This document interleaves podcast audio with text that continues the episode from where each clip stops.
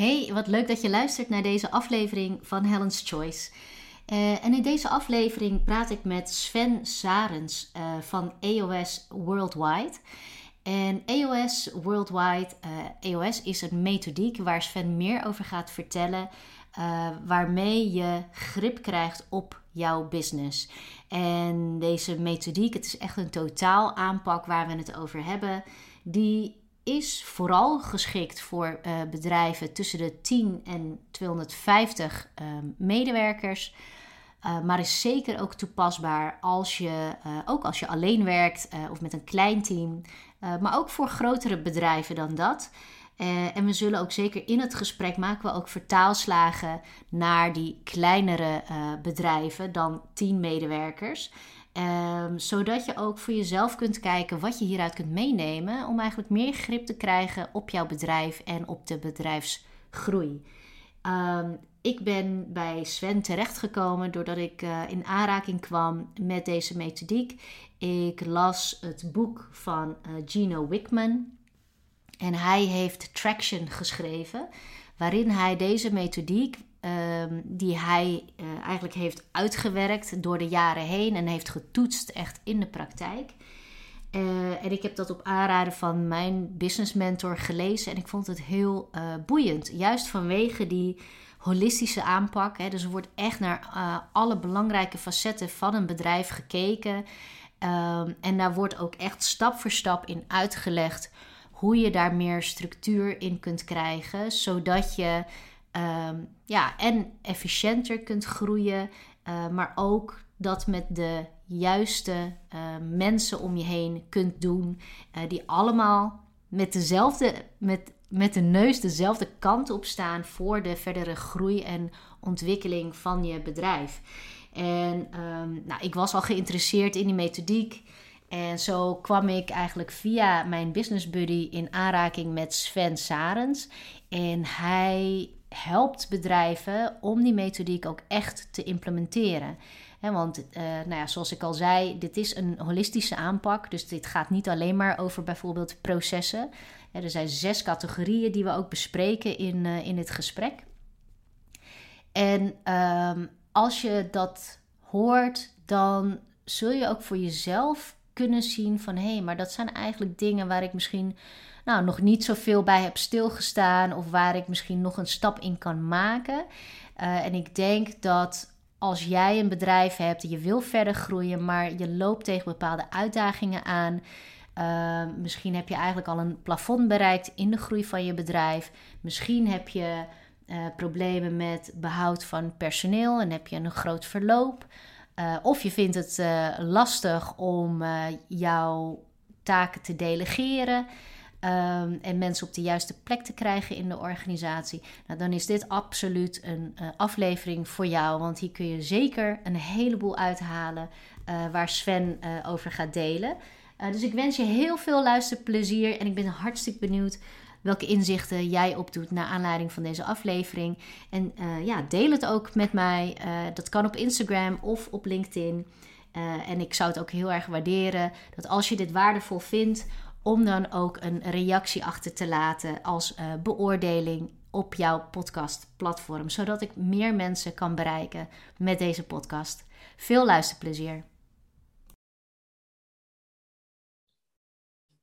Ja, Zo, Sven.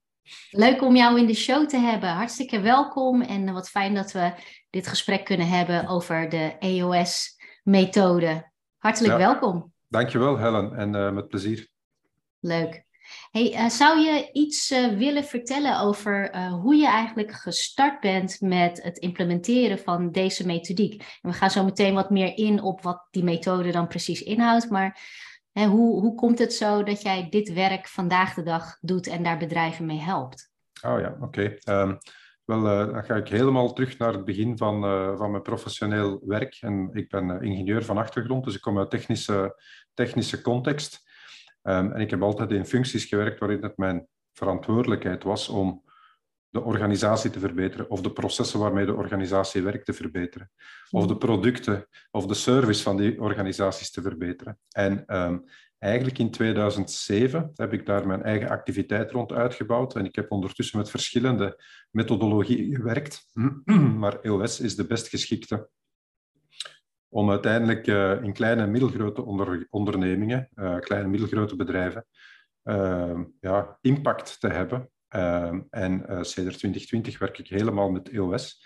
Het was eigenlijk naar aanleiding van een heel concrete vraag van een lead die ik op dat moment had, waar EOS het beste, het beste antwoord op de problematiek was. Ja, ja. Oké, en dus als ik het goed begrijp, was jij eigenlijk helemaal toegespitst op het verbeteren van processen en uh, voor, voor de productcreatie. Um, maar zoals de methodiek van EOS in elkaar zit, is dat eigenlijk een, een soort van uh, ja, een totaal aanpak, hè, waarbij dat over nog veel meer gaat dan alleen de processen. Hoe, hoe is dat voor jou geweest om ook die andere stukken, zeg maar, ja, je eigen te maken en ook daar andere bedrijven mee te helpen? Um, ja, dat was, dat was heel fijn. Um, en het was ook eigenlijk naar, naar aanleiding van die eerste concrete vraag, vraag dat ik merkte bij mezelf dat ik stukken miste om een, eigenlijk een, een, een holistische, integrale aanpak te kunnen aanbieden. Terwijl ik daar wel naar op zoek was. Um, dus uh, zoals je zegt, hè, processen uh, zijn, maar, zijn maar een deel van, het, van, het, uh, van, het, van de aanpak. Mm -hmm. uiteindelijk zijn er zes wat we noemen de key components of de zes sleutelcomponenten. Ja, en uh, processen is er daar één van. De andere vijf zijn de visie. Waar wil je naartoe? Hoe ga je er geraken? De mhm. mensen. Om, met de juiste mensen wil, ga je er geraken. Hè? Uh, data, feiten en cijfers maken het makkelijker om objectieve beslissingen te nemen. Uh, de vierde component zijn de issues. Zijn de issues dus alles waar nog eens over gepraat moet worden, zowel uw problemen als uw kansen als uw opportuniteiten. En hoe je daarmee omgaat. Uh, en de vijfde component zijn dan de processen. En de zesde component is traction. Uh, dat is het boek dat uh, de bedenker van EOS ook ooit geschreven heeft, maar dat is ook de zesde component in de aanpak.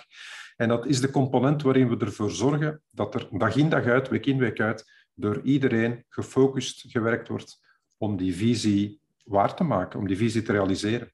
Hm. Ja, en dan zeg je van nou, ik had eigenlijk ook de andere, andere, andere methodieken uitgeprobeerd. Um, en toch waren ze niet helemaal compleet. Wat is het wat wel in deze methodiek zit, wat jij niet in de andere kon vinden? Um, ofwel omdat het te eenzijdig uh, fact-based uh, decision making was. Dus uh, helemaal los van de menselijke component, terwijl we hier echt wel de mensen betrekken en werken met de juiste mensen op de juiste plek ook in het leiderschapsteam kijken naar de teamdynamiek en de, de intermenselijke relaties, om te kijken of dat, dat echt wel gezond is. Hè. Team health is een belangrijk aspect van wat we doen. Um, andere methodologieën uh, bleef ik een stuk op mijn honger zitten, omdat die minder zich leenden naar werken met het, het leiderschapsteam van een organisatie. Ja, ik werk wel met kleine organisaties, maar er zijn altijd wel twee of drie mensen die samen de beslissingen nemen. Dus ja, dat is ook typisch de, de, de team size waarmee ik werk, ergens tussen twee, drie mensen tot maximum zeven, acht mensen. Mm dus ik werk één op één met bedrijven, maar ik werk altijd met, het, met de leiders van die bedrijven samen in groepsessies. Um, en, en, en dat maakt het bijzonder fijn en dat vond ik niet in andere methodologieën. Mm, ja, ja. En mm, voor wat voor type bedrijven is deze methodiek met name geschikt? En ook voor wat voor grootte, maar is dat ook in een bepaalde branche? Um, het is voor elke type van bedrijven, ik zou bijna durven zeggen met een, eh, met een grapje, waar er mensen in dienst zijn, daar werkt EOS. Ja, het is geen grapje uiteraard, het is, het is heel ernstig. Dus los van de branches, waar er mensen zijn, kan je EOS toepassen. De bedenker van de methodologie, Gino Wickman, die heeft dit bedacht voor 10 tot 250 medewerkerbedrijven, dus de, de kleine, middelgrote ondernemingen. Niet, niet, dus niet de micro-ondernemingen, dat heeft hij zo niet beschreven. Mhm. Maar de concepten werken daar ook. Ja, ik, heb, ik, werk, ik werk met teams die zich daar bevinden. Mijn kleinste team, mm daar waren we bij de start van het traject met twee. Daar zijn ze ondertussen met vier en ze zijn verder aan het groeien. Dus het kan ook voor kleiner. Aan de andere kant van het spectrum kan het ook voor groter. Mijn grootste team waarmee ik vandaag werk is het leiderschapsteam van een organisatie die vier productiefabrieken productie, uh, heeft waar in totaal 600 medewerkers zitten. En, en die organisatie is op zijn beurt nog eens deel van een grote Europese groep waar in totaal 6000 mensen werken. Ja. ja. Maar dat is dus niet... Allez, de sweet spot is die 10 tot 250 en daar vind je 80% van, ja, van de teams waarmee EOS-implementers werken. Ja, ja. Oh, hartstikke mooi. En um, jij begeleidt dan bedrijven om dit te implementeren. Doe je dat alleen? Of doe je dat met meer mensen? Um, elke EOS-implementer werkt met zijn of haar teams. Maar we zijn met 650 momenteel wereldwijd. Ja. Oh. Ja, en met die hele community hebben we inmiddels meer dan 17.000 bedrijven, organisaties geholpen. Ja, ja. ja want uh, wat jou eigenlijk op mijn pad heeft gebracht, ik, ik heb, ben eigenlijk gewoon, ik weet nou even niet of dat nou een keer ter sprake is gekomen in een gesprek wat ik had met iemand die we allebei kennen. Uh, Maar ik ben eigenlijk op het spoor gekomen van het boek hè, Traction van Gino Wickman. Ja. op aanraden van mijn eigen Business Mentor. Ik heb dat gelezen, dat is een Engelstalig boek wat ik gelezen heb. En uh, ja, ik was gefascineerd door het boek en het concept. Uh, maar ik had daar eigenlijk in, in Nederland niemand anders echt over gehoord. Um, maar op een gegeven moment kwam jouw naam voorbij als iemand die dit systeem implementeert. En zo ben ik eigenlijk in contact gekomen met jou. Ja. Uh, hebben wij toen onze eerste kennismaking gehad. Hoe bekend is deze methode in, in België? misschien weet je ook iets over Nederland? Uh, ja, relatief beperkt. Uh, uiteindelijk, eh, er zijn 650 EOS-implementers, maar daarvan bevinden er zich momenteel een twintigtal in Europa. Uh, en als je het verder afbreekt, dan zit de helft daarvan in de Engelstalige landen, dus de UK, Schotland, Ierland. in België ben ik alleen en in Nederland heb ik drie collega's. Oh, ehm, en verder zijn er nog een paar verspreide individuen op het vasteland. Ja. Dus iemand in Zwitserland, iemand in Portugal, iemand in Slowakije, iemand in Zweden, heel recent erbij gekomen. Dus, ja. ja. dus dat betekent dat het EOS als merk, als methodologie, als merk in Europa inderdaad nog niet zo verspreid is. Mm -hmm. maar we hebben ambitieuze plannen om daar in de komende jaren echt wel verandering in te brengen. Ja, mooi. Want als je ook leest wat voor effect dat eigenlijk allemaal kan hebben als je het goed implementeert. Ehm, en, en, dat is denk ik wel aardig voor de luisteraar om daar iets meer beeld bij te krijgen van wat, wat kan het betekenen? Wat is de reden dat een bedrijf hieraan zou beginnen? En wat kan het resultaat daarvan zijn als je dit goed implementeert? Reden, redenen zijn er uh, uh, ja, toch wel veel. Het belangrijkste zijn bedrijf groeit en op een bepaald moment groeit het niet meer. Het, het, het, het komt een bepaald plafond tegen waar het niet meer doorgeraakt. Dat is een veel. Dat is een veel voorkomende. Anderzijds kan het zijn uh, het gevoel dat er, dat, er, dat er meer winst in zit of dat er meer resultaat uit te halen is. Uh, allerlei allerlei uh, soorten van ja, mensenkwesties, menselijke issues, veel verloop van medewerkers, conflicten bij medewerkers medewerkers die eigenlijk niet in het team passen, maar ja, bij gebrek aan beter houden we ze toch maar aan boord. En uiteindelijk al, al dat soort van problematieken. Maar evengoed, um, generatiewissels. Hè? Uh, kinderen die het bedrijf gaan overnemen van hun ouders, waardoor dat er een nood ontstaat om iets nieuws te gaan doen. Uh, dus dat zijn allemaal aanleidingen, hè? scharnierpunten, uh, noem maar op. Heel vaak komen wij in aanraking met bedrijven op het moment dat ze al van alles geprobeerd hebben. Ze hebben al boeken gelezen, ze hebben al opleidingen gevolgd, ze hebben hun medewerkers al naar opleidingen en, en coachings gestuurd, uh, maar nog niks heeft echt gewerkt. Ja? En dan, uh, dan, dan, dan, uh, dan ontstaan er situaties dat mensen wat gefrustreerd geraken over, ja, ze zitten vast. Hè? Dus ja. Eh, dat is allemaal terug te brengen naar dat. Ja, ja. Er, er, er moet een, een, wil zijn om te veranderen en ze moeten de pijn voelen dat ze effectief die verandering willen uh, doen. Mm -hmm. dan, uh, dan, dan is het een, eigenlijk een ideale vertrekbasis en startpunt om, om te starten met EOS. En dan het tweede luik van jouw vraag, wat krijgen ze dan? Ja. Uiteraard, verandering vergt tijd. Dus de gemiddelde samenwerking tussen een EOS-implementer en, en een klant is twee jaar. Sommige korter, sommige langer. Maar dat is ongeveer hè, waar we naar kijken. En in die twee jaar zien we elkaar op geregelde tijdstippen en werken we doorheen ons proces. En het resultaat daarvan is dat organisaties terug, uh, of dat leiderschapsteams beter gezegd, en eigenaars van bedrijven terug grip krijgen op de evoluties in hun bedrijf, de winstgevendheid verbeteren um, en uh, ik heb, we meten dat ook regelmatig en we hebben net een paar annual sessies achter de rug, waarin dat we een jaar terugkijken, een jaar vooruit kijken, plan maken enzovoort, maar ook naar de evoluties van de cijfers. Gemiddelde groei van de winst, niet van de omzet, want ik heb een klant waarbij, waarbij de omzet serieus gezakt is, maar zijn winst is enorm gestegen omdat hij gefocust heeft op de juiste dingen. Dus gemiddelde groei van de winstgevendheid van het resultaat, 30 tot 35 procent uh, over het laatste jaar. Ja. Dus, en dat is dan meestal het eerste jaar of het tweede jaar van de implementatie. Maar wat nog, nog veel belangrijker is, is naast de meetbare dingen, de onmeetbare dingen, de sentimentele dingen. Mhm. Dat uh, ja, die leiders ineens zeggen van, ik heb mijn leven terug. Het is terug leuk en plezant om te ondernemen. Uh, uh, ja, ik, ik, ik merk dat ik ineens uh, niet meer zes en een halve dag op zeven bezig ben, maar vijf op zeven en tijd krijg voor andere passies en tijd krijg voor andere interesses. En dat hoeven geen spectaculaire dingen te zijn, hè, Helen. Uh, dat, kan even, dat kan gaan om eens te gaan fietsen of even bezig te zijn met kinderen of kleinkinderen. Ja. Ik heb er ook een die heel graag gaat bungee jumpen. Maar, ja, ja, dus, Zo spectaculair hoeft het dat, dat hoeft niet spectaculair te zijn, maar het mag. Ja. Jeetje. Oh. Maar dat, Oké, dus dat vertaalt zich wel eens in een ondernemer die eerst eigenlijk bijna dag en nacht eigenlijk met de zaak bezig is, om alles een soort van in goede banen te leiden en te houden. Ja. ja. En dan eigenlijk misschien ook tegelijkertijd de wens heeft om nog verder te groeien. Maar ja, weet je, als je al tot hier ja. kan. Ja. Uh, en bij het implementeren van dit systeem hè, kan het zomaar zijn dat je en groeit, um, maar ook met minder druk en, en ook minder tijd die je erin hoeft te stoppen. Ja, ja, ik kan er, inderdaad. Ik kan, ik kan geen echte voorbeelden, geen extreme voorbeelden geven van hoe ver dat kan gaan uit mijn eigen klanten, maar van andere implementers heb ik al verhalen gehoord van op vier jaar tijd van 70, 80, 90 uur per week werken in het bedrijf naar nog één keer per week twee uur aanwezig zijn om met het leiderschapsteam te kijken hoe de zaken lopen en voor de rest het ideale leven te leiden en andere dingen te doen. Ja, dat klinkt toch echt als een, als een droom, denk ik, voor heel veel.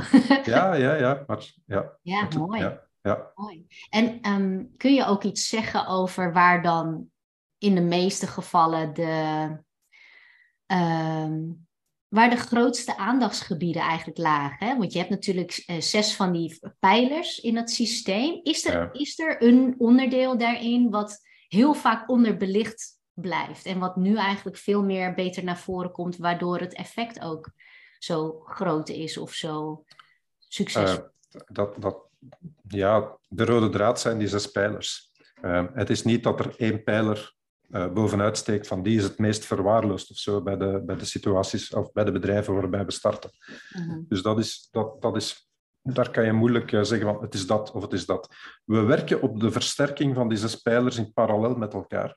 Want wat we wel weten, ook uit ervaring vanuit die community, vanuit heel die community en van al die uh, inmiddels uh, eh, 17.000 bedrijven die we geholpen hebben, dat is dat ze te veel en te eenzijdig focust op één pijler, dat je dan de ellende gewoon verschuift naar een van de andere.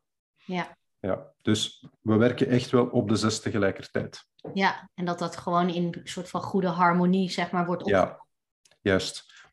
Wat we wel doen, je kan niet alles tegelijkertijd, want als alles belangrijk is, dan is niks belangrijk. Ja. We bepalen wel de grootste prioriteiten eerst en die pakken we eerst aan. Ja. Maar we kijken naar, we, blijven altijd vanuit een soort van helikopterperspectief naar de totaliteit van de onderneming kijken. Ja, precies. En heb jij voor jezelf, hoe jij zelf werkt, heb jij ook de principes van het boek ook soort van terugvertaald naar hoe jij werkt? Absoluut. Kun je vertellen? Absoluut. Dus ja, we volgen, uh, ik volg absoluut hetzelfde proces. Hè, dus uh, ik, heb, uh, ik heb iemand die mij helpt met praktische, logistieke, administratieve aspecten van, van wat ik doe. Dus daarmee heb ik wekelijks een afstemmingsvergadering. De level 10 meeting heet dat in de EOS-terminologie. Mm -hmm. elke kwartaal maken we een kwartaalplan bepalen we de prioriteiten samen voor de volgende, voor het volgende, uh, voor de volgende periode van 90 dagen. Uh, elk jaar houden we een annual sessie. Dus uh, ja hoor, ja. We, we, doen het zelf ook. Ja, en wat heeft het jou voornamelijk gebracht door dat te implementeren? Uh, structuur en focus. Structuur en focus. Ik ben zelf van nature uit iemand die heel veel dingen leuk vindt, heel veel dingen wil doen. Uh, maar tegelijkertijd iemand open en eerlijk. Tegelijkertijd iemand die, zodra ik denk dat iets mogelijk is, dan boeit het mij al minder. Dus ja. laat staan dat ik het helemaal ga afmaken. Ja. En dus door EOS toe te passen en gefocust te werken naar doelen en ervoor te zorgen dat uh, die doelen gerealiseerd worden, uh, accountability daar rond uh, aan de dag te leggen, dat ook van anderen te vragen, die dat dan ook van mij vragen, klankbord te hebben enzovoort. Ja, oh, ik, denk dat, ik denk dat heel veel ondernemers dat wel herkennen, wat jij beschrijft, van zoveel ideeën en dan vooral opstarten. Ja. En lang niet altijd doorzetten en afmaken. Ja, en dan heb je een organisatie nodig die dat wel doorzet en afmaakt. Uh, en, en elkeen zijn rol moet daarin duidelijk zijn. Elkeen zijn accountabilities moeten daarin duidelijk zijn. En dan kan je al die ideeën die je hebt, de goede, verder laten ontwikkelen. Ja? En, de, en de minder goede, daar heb je dan klankborden voor in de organisatie, om je erop te wijzen van, misschien is het toch niet zo'n goed idee, moeten we dat maar niet doen. Ja, ja. Uh, kunnen we misschien die zes velden soort van uh, langslopen en om daar gewoon de soort van de highlights eruit te halen en om even te kijken. Ja hoor, ja, goed idee. goed idee. Goed idee. Uh, Goed idee. Traditioneel beginnen we dan met de visie. Ja. En de highlight daar is dat we geen dikke strategische plannen maken.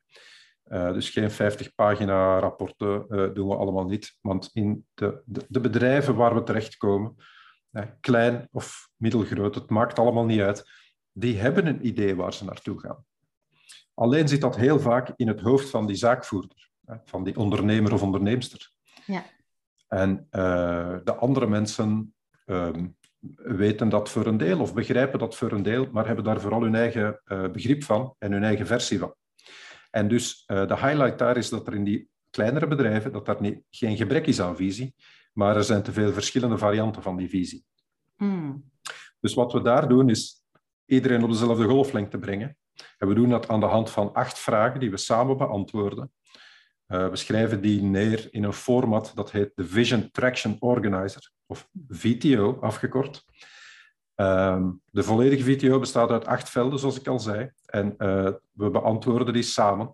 En de magie zit niet in die vragen, de magie zit ook niet in die antwoorden, maar de magie zit in de afstemming. Ja. En uh, dat iedereen vanaf dan er hetzelfde begrip over heeft. En die totale oefening duurt ongeveer 16 uur. Om, uh, ja, ja. Wauw, dat is best een aardige oefening. dat is een aardige oefening. Dit doe je dus met het managementteam, begrijp ik. Dat doen we met het leiderschapsteam, ja. Ja, ja. ja. ja. En nou kan ik me voorstellen, als je dan, uh, ik weet niet, met, uh, met acht mensen zit, dat je dus acht verschillende visies krijgt.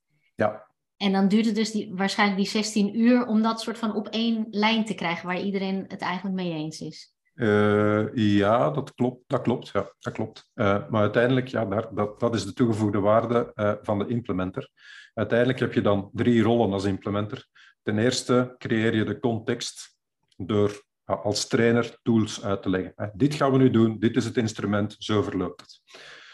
Als tweede faciliteer je een debat waarin dat je ja, jouw klant, jouw, jouw team tot, tot besluiten laat komen. En als derde coach je hen. Ja, je hebt het voorrecht als implementer van dit met verschillende teams tegelijkertijd te kunnen doen. Uh, en dus je ziet van op de eerste rij wat werkt en wat niet werkt. En daarmee kan je hen uiteraard helpen. Maar we geven heel weinig advies. We mhm. faciliteren vooral de antwoorden aan de hand van de tools en de context die die tools brengen en wat de mensen weten. En daarmee, daarmee lukt dat best wel hoor. Maar het is wel een punt, hoe groter het team, hoe langer de discussies en de debatten duren. Ja, dat kan ik me voorstellen. En als we hem nou uh, terugvertalen, wat kleiner maken voor ondernemers die misschien alleen werken, of met z'n tweeën of met z'n drieën. Wat, uh, wat, is nou misschien ja, één of twee vragen die je voor jezelf moet beantwoorden om die visie heel duidelijk uh, ja, te kunnen communiceren? Uh, als je wil gaan groeien en je gaat er andere mensen bij betrekken, dan is het belangrijk omdat je de juiste mensen rond je heen hebt. En de juiste mensen rond je heen, dat doe je door de hand, aan de hand van de core values. Wat, wat zijn de waarden van de onderneming? Want die waarden, dat is de, uiteindelijk de basis voor gedrag uh, met elkaar communicatie, samenwerking enzovoort, maar ook hoe dat je dat bedrijf, klein of groot, vertegenwoordigt bij de klanten. Ja. Dus die core values zijn heel erg belangrijk. Dat is uiteindelijk de neerslag van de cultuur, van het DNA van de onderneming, huidige DNA van de onderneming. Um, en als je daar op één lijn komt en daar dan van die core values de hoeksteen maakt van alles wat te maken heeft met mensen aantrekken, maar ook mensen afstoten. Um, en de mensen die er zijn, helpen om beter te functioneren. Dus de basis van functioneren, maar ook erkenning en beloning. Ja, dan kan je die echt laten leven en dan creëer je op den duur een samenhangend, uh, goed functionerend team van mensen die een gelijkaardig gedrag hebben. Dat wil niet zeggen dat het kopietjes zijn van elkaar, hè? Dat moet je, want dat moet je niet willen. Ze moeten wel complementaire skills hebben. Ja? ja. Maar qua gedrag moeten ze bij elkaar passen.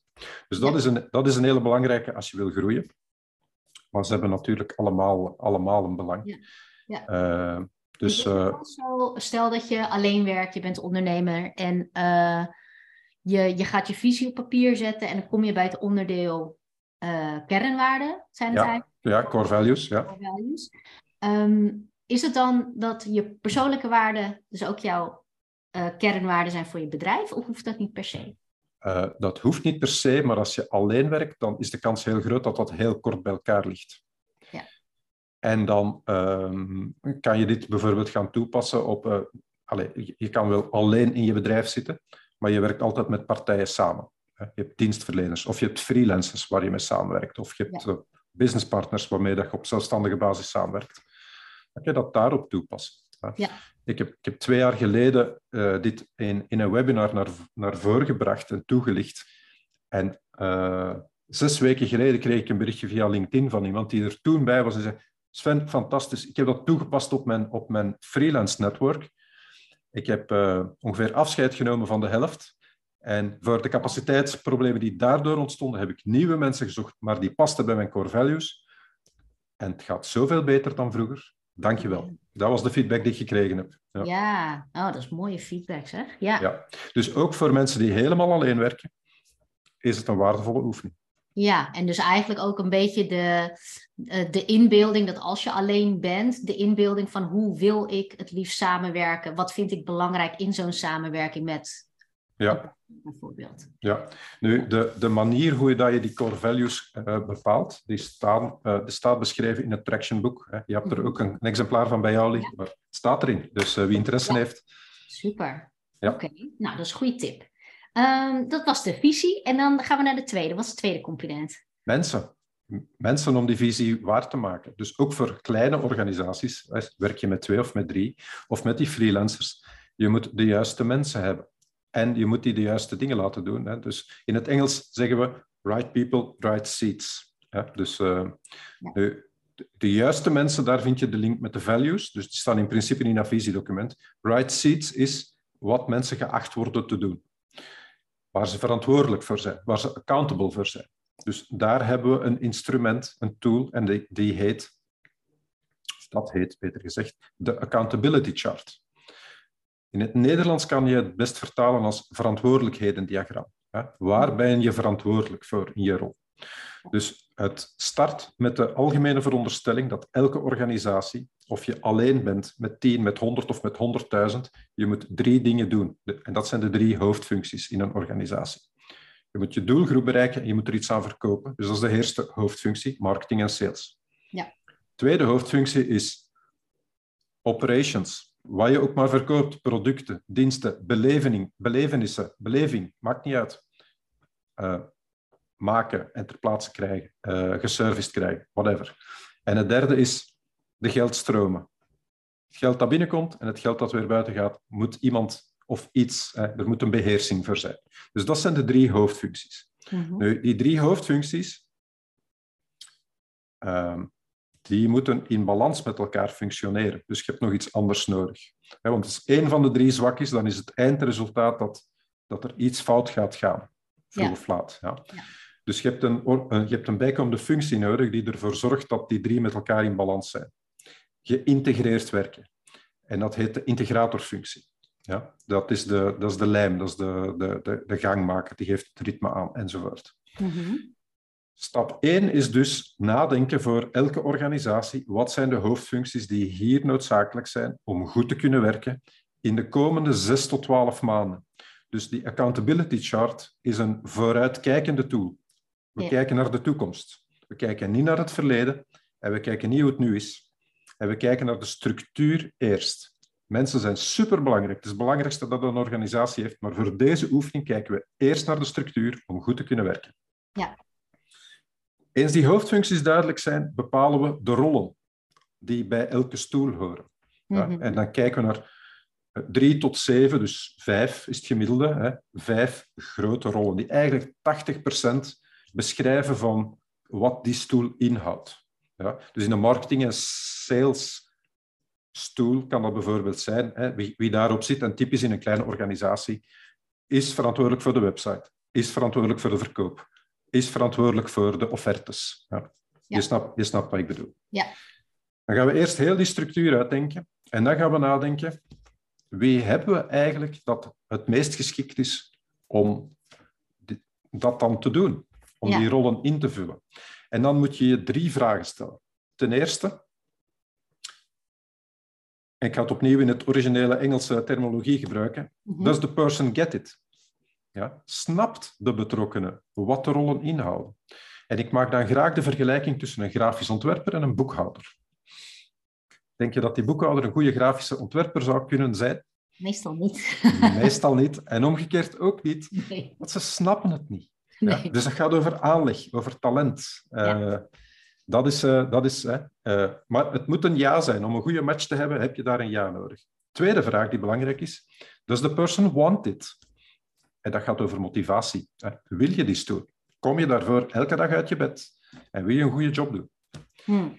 En de derde vraag is, does the person have the capacity to do it? Heeft hij alle skills en vaardigheden en tijd en intellectuele en emotionele en fysieke capabilities om die vijf rollen tot een goed einde te brengen. Ja. En als je drie keer een ja hebt, dan heb je de juiste persoon, als er een link is met de values, op de juiste plek, als er een link is met de seat of met de stoel. En dan kan je twee problemen tegenkomen. Je kunt de juiste persoon hebben, die past bij je cultuur, maar die op de verkeerde stoel zit. Ja. Als je een organisatie hebt die groeit, dan kan je daar waarschijnlijk in de toekomst een, een ander, beter passend antwoord voor vinden. Mm Maar indien niet, en je wilt toch wel een resultaat neerzetten, wat toch de bedoeling is van de meeste bedrijven, dan zal het een pijnlijke beslissing zijn, want het is eigenlijk iemand die je graag ziet, die je graag hebt, want die past bij de cultuur, maar dan moet je die laten gaan, want je hebt er niet de juiste stoel voor.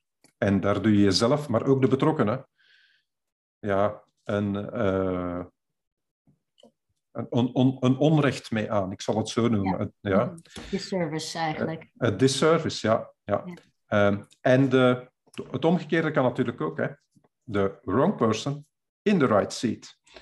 Dat is de, de persoon die, die oplevert, die de cijfers haalt. Die, zijn effici die is efficiënt, die is productief, die levert altijd goede kwaliteit.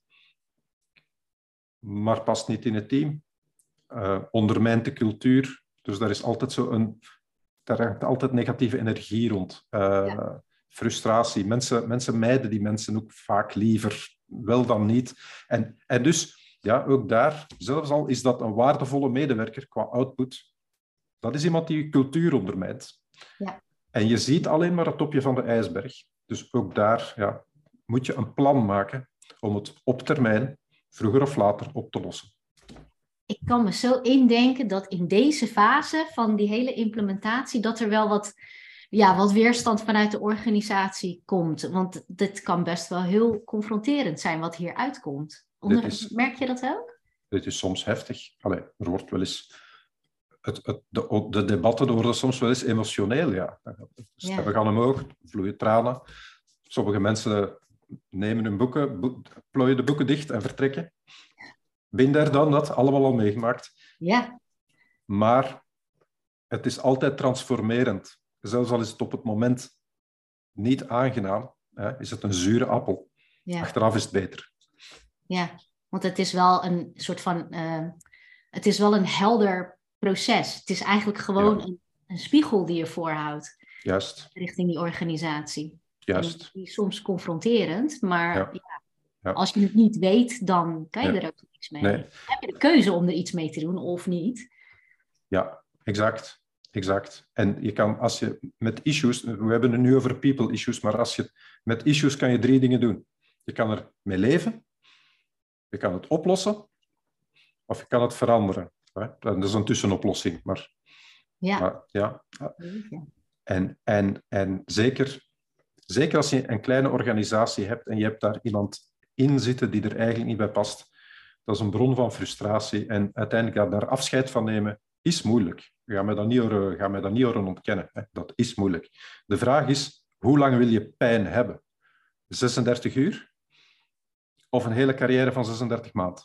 Eh, van 36 jaar, beter gezegd. Ja. Ja, ja, Ja, ja. Dus hoe lang wil je de pijn laten duren? Ja, en het is denk ik ook wel heel vaak dat zo'n ondernemer dan vooral opziet tegen ja, het gesprek. Gewoon het, het moeilijke gesprek ook met zo'n medewerker. Hè? Als die moet gaan vertellen van, nou ja, weet je, dit is gewoon geen goede plek. Ja, nu, Ja. nu dat, dat, dat zijn dingen die soms... hè, het inzicht hebben is één ding. Daar dan een plan rond maken en mensen duidelijk maken dat ze misschien niet op hun plek zitten, daar gaat, daar gaat meestal wel wat tijd over. Maar het gaat ook over communicatie en hoe consistent dat je erin bent. Want uiteindelijk, uh, het is een veranderd traject. Dus ik vraag ook aan mijn ondernemers en de teams waarmee ik werk, dat ze regelmatig communiceren over die core values. Dat ze regelmatig communiceren over hun visie. En wat je dan krijgt, dat is dat als ze dat de eerste keer aankondigen, dat, dat iedereen zegt van oké, okay, hier gaan we weer, nieuw initiatief. We zullen wel zien wat er van komt. Ja? Ja. Maar drie maand later doen ze dat opnieuw. En drie maand later doen ze dat opnieuw. En tegen dat je aan de derde, vierde, vijfde keer komt, dan rollen de ogen niet meer of worden de schouders niet meer opgehaald. Dan denk je, oké, okay, hij of zij meent het. Het team, het leiderschapsteam meent het. We gaan ervoor. Dit gaat blijven. En dan gaan mensen uh, echt zelf wel voelen van, misschien is dit niet mijn plek. Misschien pas ik niet, hier niet volledig. Um, en dus uh, zeker als het over uh, match gaat met de core values en de cultuur van het bedrijf. Ik, heb, ik hoor meer van mensen die dan zelf na verloop van tijd weggaan, dan dat ik al gehoord heb van we hebben het zelf actief moeten beëindigen. Oh, wauw. Ja, ja, ik kan me zo voorstellen. Kijk, heel veel bedrijven hebben wel kernwaarden die ze kunnen benoemen. maar heel vaak vertaalt het zich misschien niet helemaal door echt in de identiteit van zo'n bedrijf. En wat ik jou hoor beschrijven is wel een, een soort veranderingsproces waarbij die identiteit steeds sterker verankerd raakt in die ja. kernwaarden. Ja, en die kernwaarden moeten ook actief gebruikt worden. Ze moeten tijdens die drie maandelijkse infomomenten, want daar wordt meer over verteld dan dat, maar kernwaarden maken daar standaard deel van uit. Maar ook samenwerkingsgesprekken, kernwaarden maken daar standaard deel van uit.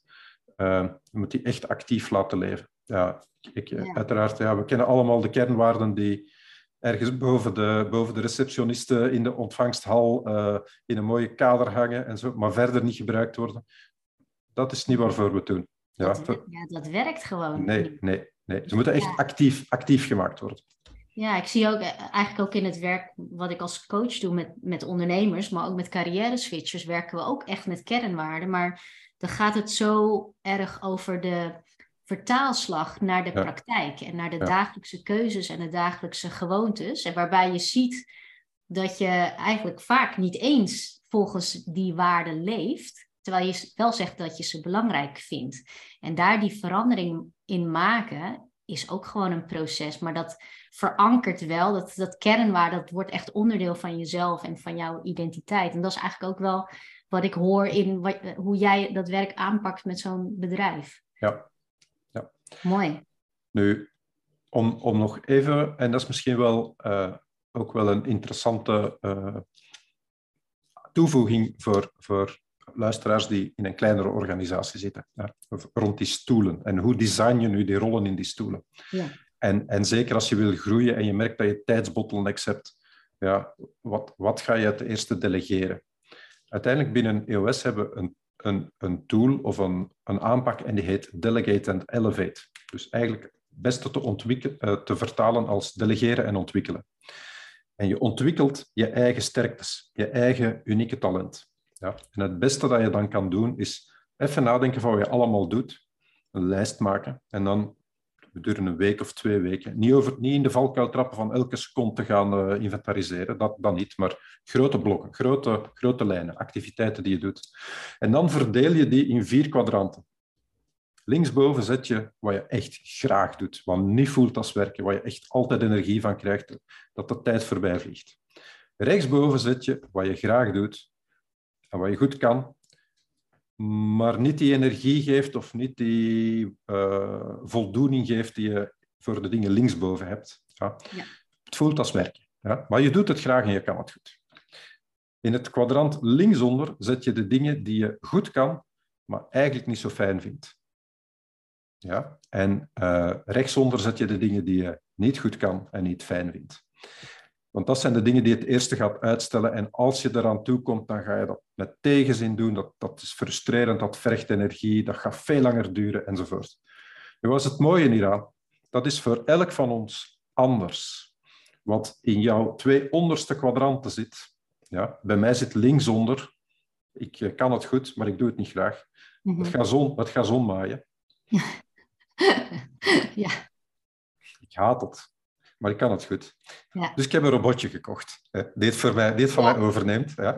Maar daar dus ga je delegeren. Dat, dat zijn de dingen die je moet gaan delegeren. En zo krijg je tijd vrij om je te ontwikkelen uh, in die dingen waar je wel de energie vandaan haalt en die je goed doet. Want dat zijn ook de dingen waar je de grootste toegevoegde waarde voor je bedrijf of voor je zelfstandige activiteit creëert. Ja. Zeker, ja. Dus delegate en elevate. Uh, het, is, het, is, het is te vinden als je het googelt. Delegate en elevate, EOS Worldwide. Uh, Heel mooi. Kan je, ja.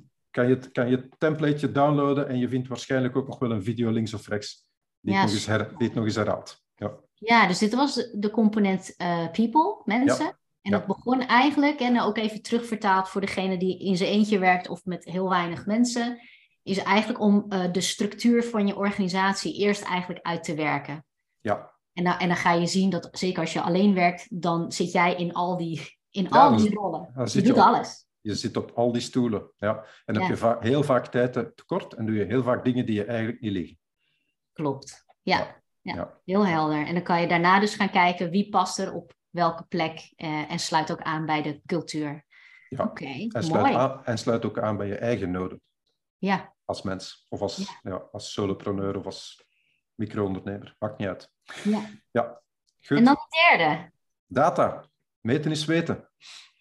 Oh, ik, ik, ken genoeg mensen, ondernemers, die dat helemaal geen, geen leuk onderdeel vinden. Nee, nee, nee. Maar meten, is, meten is weten, gissen is missen, gokken is dokken. Hè?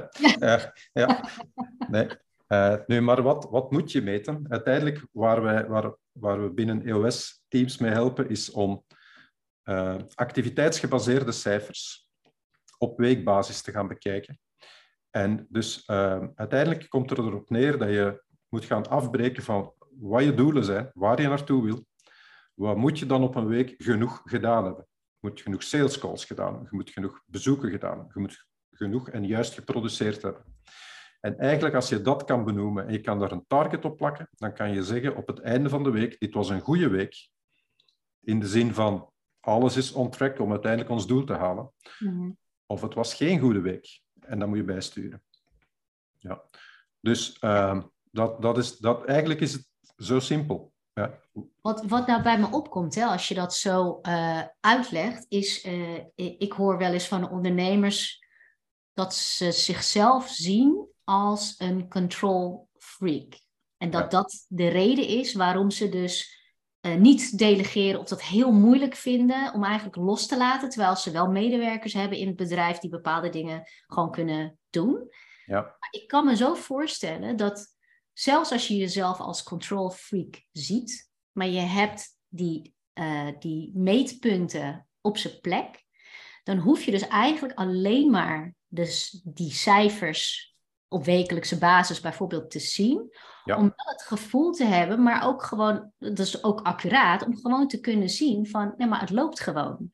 En eigenlijk als dat soort van afwijkt, dat je denkt van oké, maar hier moet ik dan even induiken. Dus eigenlijk biedt het juist ook hele goede handvatten voor iemand die zichzelf als een control freak ziet. absoluut, absoluut. Nee, nee, dat klopt. Hè? Dus als je de juiste dingen meet, je hebt een goed meetsysteem en je hebt betrouwbare mensen, de juiste mensen op de juiste plek zitten, dan kan je helemaal, ook als control freak, toch dingen loslaten.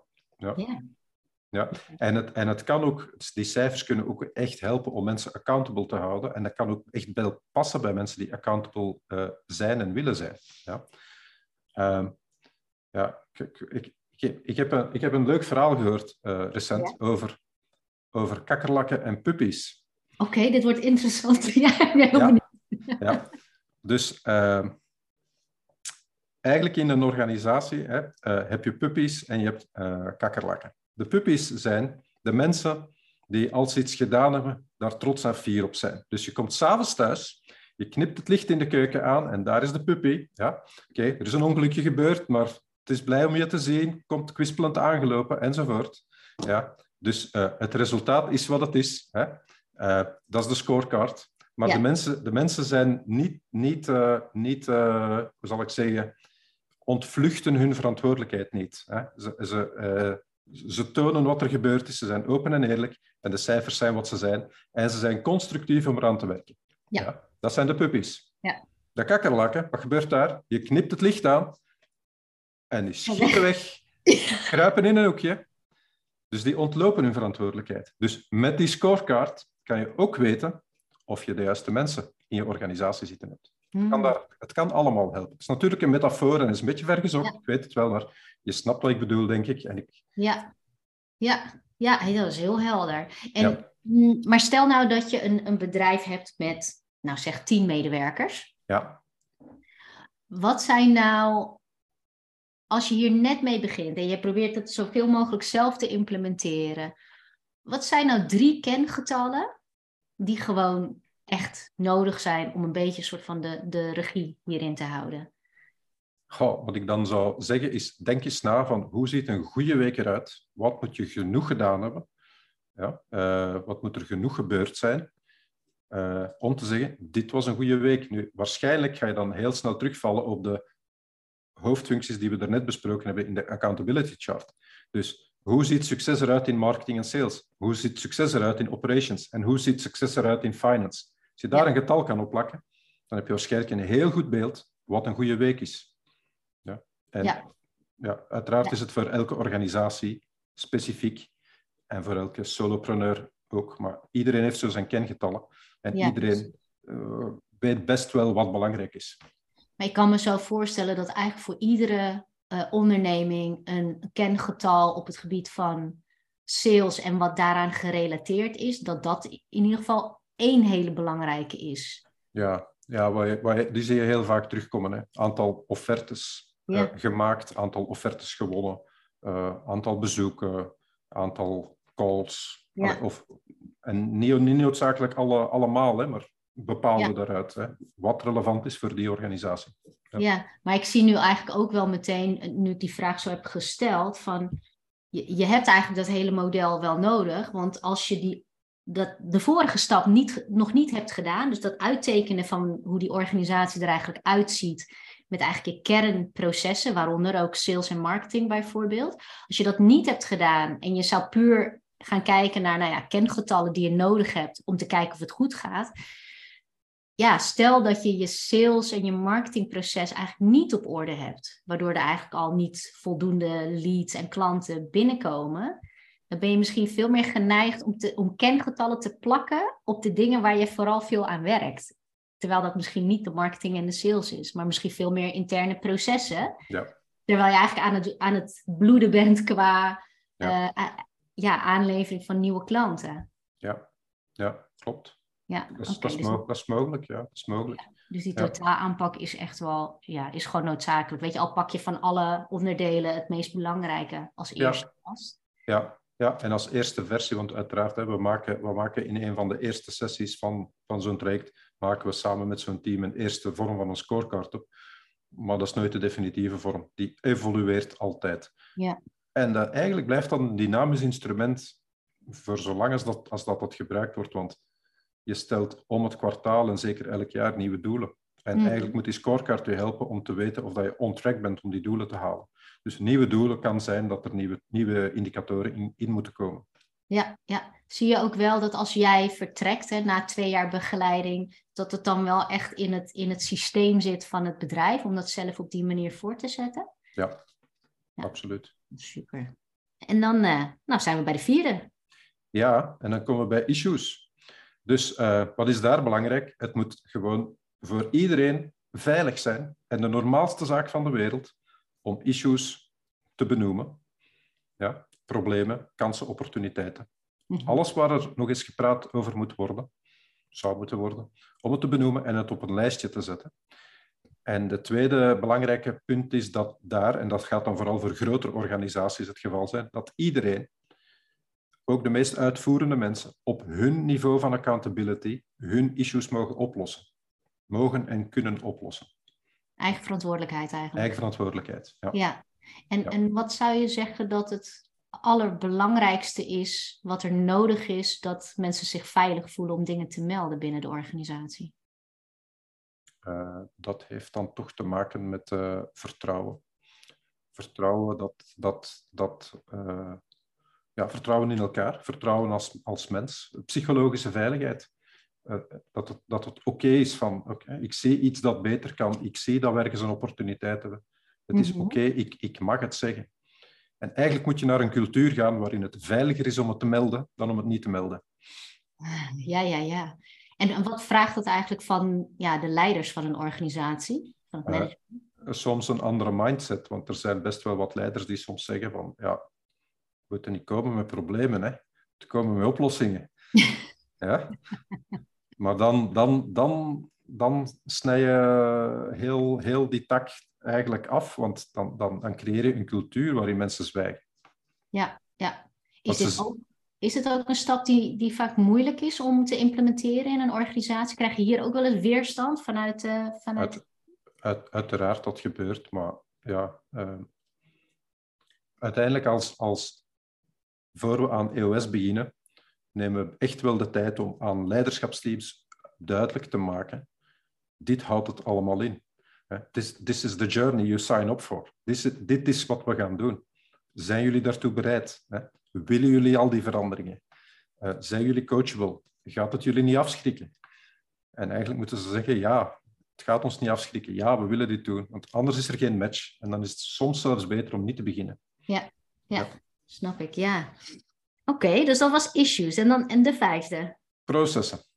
Processen. processen, ja ja, proces, process, hoe dat je het ook maar wilt noemen. Maar de belangrijkste dingen die er moeten gebeuren, die je consequent en consistent wil doen. Uh, en zo zijn er in elke organisatie ja, één of twee handen vol. Uh, dus wat we daar doen is, we beschrijven die, we documenteren die, we vereenvoudigen die, we systematiseren die. En we doen dat allemaal met een 20-80 aanpak. Dat betekent, we kijken naar de 20% van de activiteiten, die 80% van de resultaten creëren. Dat documenteren we. Daar zorgen we dat iedereen in getraind wordt. Dat er eventueel measurables van afgeleid worden die in de scorecard terechtkomen of mhm. waar mensen persoonlijk accountable voor gehouden kunnen worden. Uh, en uh, dan, uh, ja, dan, dan, dan krijg je na verloop van tijd effectief een soort van draaiboek ja. dat, dat gevolgd wordt. Wat bijzonder handig is als je niemand nieuw in dienst neemt of met een nieuwe partij gaat samenwerken. Als je kleiner bent, je hebt een nieuwe freelancer die je betrekt. voor uh, ondernemers die ambities hebben om vroeg of laat een exit te gaan voorbereiden. Mhm. Super belangrijk, want dan kunnen ze een bedrijf verkopen met een draaiboek. Dan moeten ze er niet nog drie of vijf jaar zelf in meedraaien om die transitie mogelijk te maken naar de nieuwe eigenaar. Ja. Uh, voor ondernemers die franchise plannen hebben of ambities hebben, super belangrijk, want daarmee kunnen ze hun franchisees aan de slag zetten met hun, hun product, hun concept, hun noem maar op. Dus dat is proces. Ja. Ehm, er is trouwens een apart boek in de Traction Library ja. rond Process. Dus de laatste toevoeging. Het heet Process. Het is niet geschreven door Gino, door andere auteurs, maar uh, ik, uh, ik zal ervoor zorgen dat je gegevens hebt, Helen, en dan kan je waarschijnlijk in de, in de podcast, in de, podcast de, link, de links toevoegen. Ja. ja. dat gaan we zeker doen.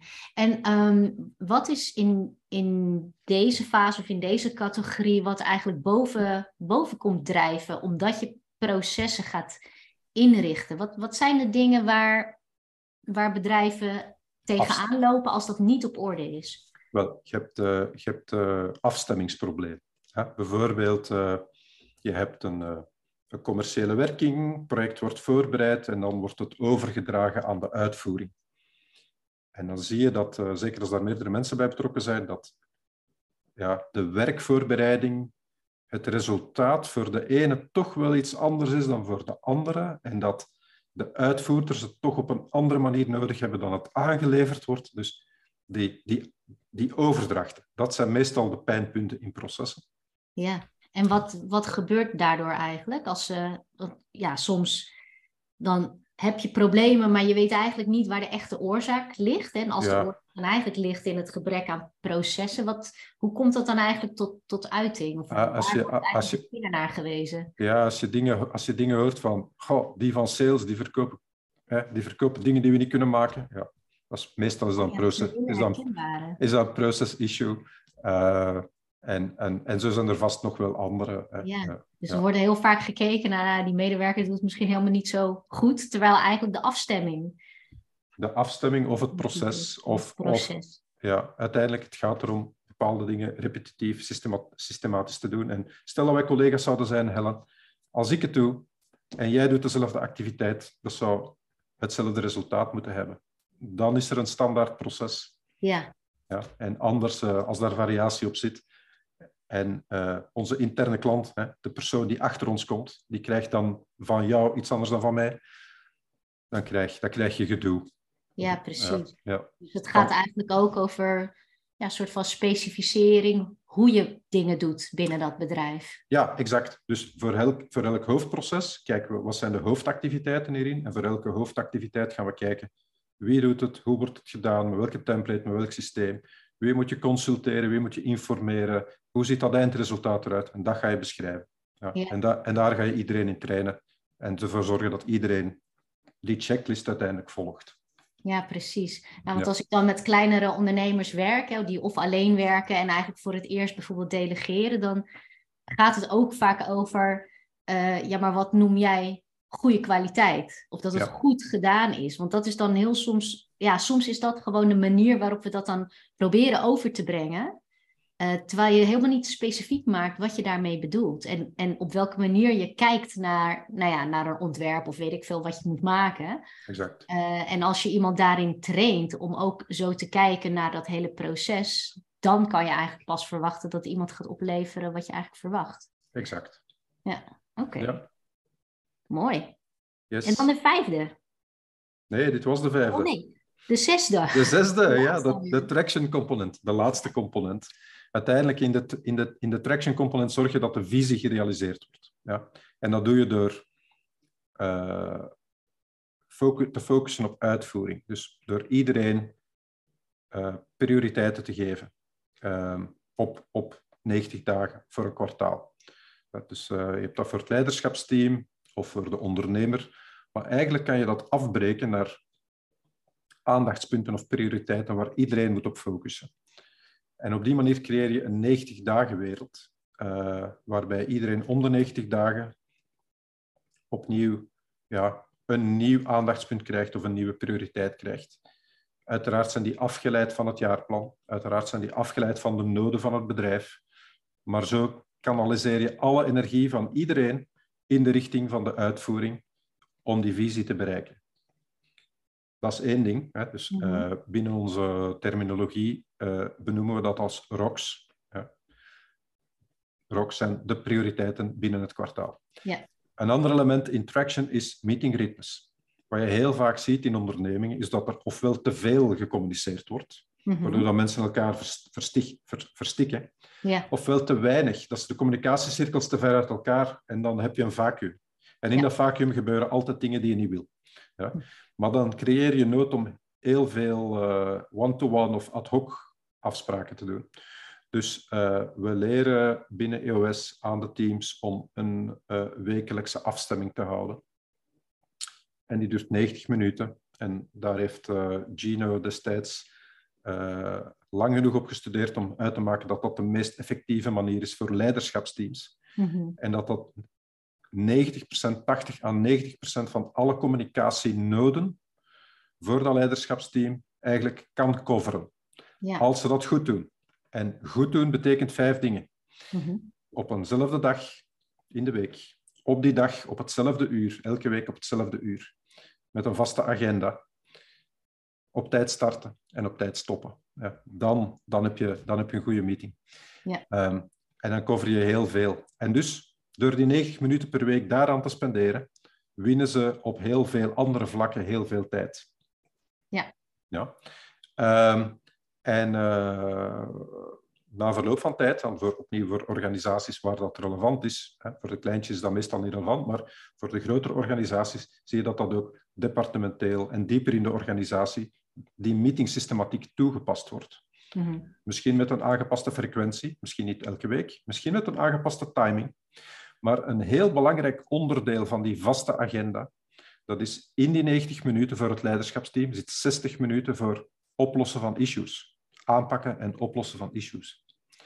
Dus organisaties die het uitrollen dieper in de organisatie met een verkorte tijdspannen, hè, bijvoorbeeld 60 of 45 minuten, die moeten wel zorgen dat ongeveer twee derde van de tijd ook voor issue solving beschikbaar is. Want anders kan je niet verwachten dat de mensen op hun niveau van accountability hun issues gaan aanpakken. Ja. ja dus dat is, het mag afgebroken worden, het mag ingekort worden. Ja. Uh, en uh, met een lagere frequentie, maar de tijdsbesteding moet wel twee derde issue solving. Dat, dat moet er sowieso in zitten. Ja, oké. Dus issue solving. En, en wat is dan bijvoorbeeld het andere, het andere deel wat sowieso besproken moet worden in zo'n meeting? Oké, de vaste agendapunten zijn eerst en vooral hebben we vijf punten die vijf minuten duren. Uh, om eigenlijk een transitie te maken van heel de week heel hard werken in het bedrijf naar dan dat uur issue solving. En het eerste is, uh, iedereen benoemt één business best en één personal best. Uh, dus, want er gaan ook heel veel dingen goed. En de ja, even, even de successen benoemen, ook van de week. En de personal best om elkaar beter te leren kennen als mens, want dat is goed voor het team, voor de cohesie en voor het vertrouwen. Ja. tweede dat ze bekijken is de scorecard. Zijn de indicatoren on-track of off-track? Het derde dat ze bekijken zijn de ROCs. Hebben we nog vertrouwen in dat die prioriteiten tegen het einde van de periode die we afgesproken hebben, dat dat in orde komt of niet? Mhm. Het vierde dat ze bespreken zijn de headlines. Headlines van mensen, hoofdpunten van mensen. Deze of degene heeft iets supergoed gedaan. Deze of degene loopt ontevreden. Die klant heeft geklaagd. Daar gaat het fout. Hm. Allemaal issues. Ja. Uh, het vijfde zijn de to-do's van vorige week. Vorige week hebben ze ook issues aangepakt. Eén of meerdere mensen hebben één of meerdere to-do's gekregen. Die moeten nu wel dan zijn. 90% of meer. Want anders ja. creëer je een hele lange open, open, issue, open actielijst. En daar is niemand die daar blij van wordt. Ja, dat, is niet, dat, is niet, uh, dat is niet zo fijn. Uh, en uh, dan uh, gaan ze een uur eh, issue solving doen. En dan met de laatste vijf minuten doen ze nog een recap van de to-do's die die week afgesproken zijn. Om duidelijkheid te creëren, geen misverstanden te hebben. Ehm, de vraag wordt gesteld, zijn er cascading messages? Dus is er hier is beslist dat we nog aan anderen moeten vertellen waar we nog geen to-do voor hebben. En als we er nog geen to-do voor hebben, dan maken we er nog één bij. Ja? En tenslotte, op een schaal van 1 tot 10, hoe goed hebben we het als team deze meeting gedaan? Hoe effectief was de meeting? Ja, schaal van 1 tot 10. We streven naar een gemiddelde van meer dan 8. En dus individuen die zeggen, voor mij was het een 8 of een 7 of een 6, die moeten zeggen waarom. Want dan kan het team, het team het volgende keer verbeteren. Ja. Dat, is de week, dat is de wekelijkse meeting.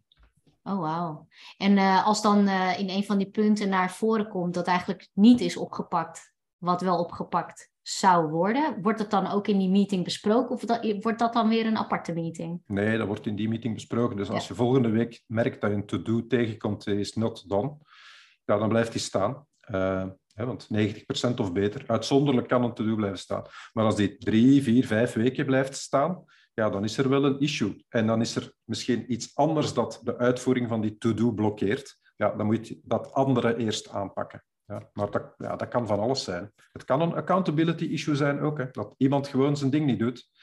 Uh, maar het kan ook vele andere redenen hebben, uiteraard. Ja, oh wauw. Jeetje, nou, daar hebben we gewoon uh, de zes categorieën helemaal uh, doorlopen. We hebben heel het model doorlopen. Ja. Het, is echt een, ja, het is wel echt een heel proces. Echt super mooi. Maar ik kan me voorstellen dat, uh, nou ja, dat je hier en daar natuurlijk ook, uh, ja, ook wel wat weerstand ondervindt hè, vanuit de organisatie. En daar help je dan bij om daar doorheen te komen. Ja, we helpen die leiders om daar doorheen te komen. En voor, groter, voor grotere organisaties hebben we ook een bijzondere sessie om met hun direct reports uh, gedurende een halve dag ook aan de slag te gaan. De basisconcepten en iedereen ook mee in dezelfde terminologie en vakjargon mee onder te dompelen. Ja, ja super mooi. En wat is het voor jou wat, wat dit zo mooi werk maakt en waarom jij deze methode eigenlijk gebruikt om bedrijven verder te helpen? Uh, ik ben er destijds ingestapt omdat ik het een, vanwege de holistische aanpak, de integrale aanpak, waar ik zelf tekort had. Nu, uh, bijna drie jaar, met bijna drie jaar ervaring, de, de, eerste teams waarmee ik gewerkt heb, de transformatie die die ondergaan hebben, de impact over hoe dat bedrijf werkt, hoe dat leiderschapsteam samenwerkt, maar van daaruit heel de organisatie, iedereen is geïmpacteerd. Dus dit verandert niet alleen bedrijven, maar het verandert ook levens. Mooi. Ja, en dus uh, ja, ik, ik, ik uh, mocht je het nog niet durven, ik ben fan en ik ben echt overtuigd dat we hier uh, met deze methode heel grote impact kunnen hebben voor heel veel bedrijven en heel veel ondernemingen die vandaag ergens mee zitten. Ja, fantastisch. Nou, ik eh, vind het ook een perfecte moment om, uh, om ons gesprek daarmee ook af te ronden. Ik kan me voorstellen dat de luisteraars hier nadenken van, oh, ik wil hier meer over weten en ook meer over Sven. Waar kunnen ze jou vinden of waar kunnen ze hier meer informatie over vinden? Um, uh, ik zou zeggen uh, op het internet, uiteraard. Dus de website van EOS Worldwide is www.eosworldwide.com. En als je daar dan nog Sven koppelteken Sarens uh, bijvoegt, dan kom je op mijn specifieke pagina terecht. daar kan je me vinden. En uiteraard op LinkedIn. van alle social media ben ik enkel actief op LinkedIn. Uh, dus daar mogen mensen mij altijd uh, connecteren en berichtjes sturen. Uh, ja, hartstikke mooi. Ik ga dat ook in de show notes opnemen hoor, sowieso. Dus dan is het makkelijker om dat terug te vinden. Geweldig. Um, ja. Heb jij als afsluiting nog iets toe te voegen, nog iets aan te vullen? Is er nog iets waarvan je zegt van nou, dat, dat wil ik toch nog even gezegd hebben? Ja, ik denk dat we wel al heel, heel compleet geweest zijn. misschien één ding. Ja. De concepten van EOS werken voor alle types van bedrijven. Gino, heeft het, Gino Wickman heeft het destijds geconcipieerd en gedesigned voor de 10 tot 250 medewerkerbedrijven, maar ook voor die micro-ondernemingen die daaronder zitten. Het werkt. Mijn kleinste team is destijds gestart met twee mensen. Vandaag zijn ze met vier. Ze zijn nog altijd klant bij me. Ik zie hen volgende week terug voor een quarterly. Um, en het werkt. Uh, aan de andere kant van het spectrum, ook voor grotere bedrijven, corporates, het werkt. Dus um, wie het gehoord heeft vandaag en die geboeid genoeg is om uh, verder te gaan kijken uh, of om uh, verder in dialoog te gaan, met veel plezier. Ehm, ik help graag iedereen. een van de core values van EOS Worldwide is trouwens help first. Dus ik beantwoord graag alle vragen en ik verwacht er helemaal niks voor terug. tenzij, het, tenzij dat je er iets wil terug voor doen, dan, dan, dan mag het altijd. Maar ja. Ja, help first, dat is ons motto. Nou, hartstikke mooi. Dankjewel Sven voor dit uh, mooie gesprek en dat je zo uh, mooi en uitvoerig uh, nou ja, in de methodiek bent gedoken en jouw ervaringen met ons hebt gedeeld. Ja, ik wens je heel veel succes met de implementaties die je ook doet met de bedrijven. En nou, we houden, we houden contact en dankjewel nogmaals. Met plezier, met plezier. En het was een voorrecht om hier te zijn. Dankjewel Helen. Dankjewel. En luisteraars, ook hartstikke bedankt voor het luisteren. En tot de volgende keer.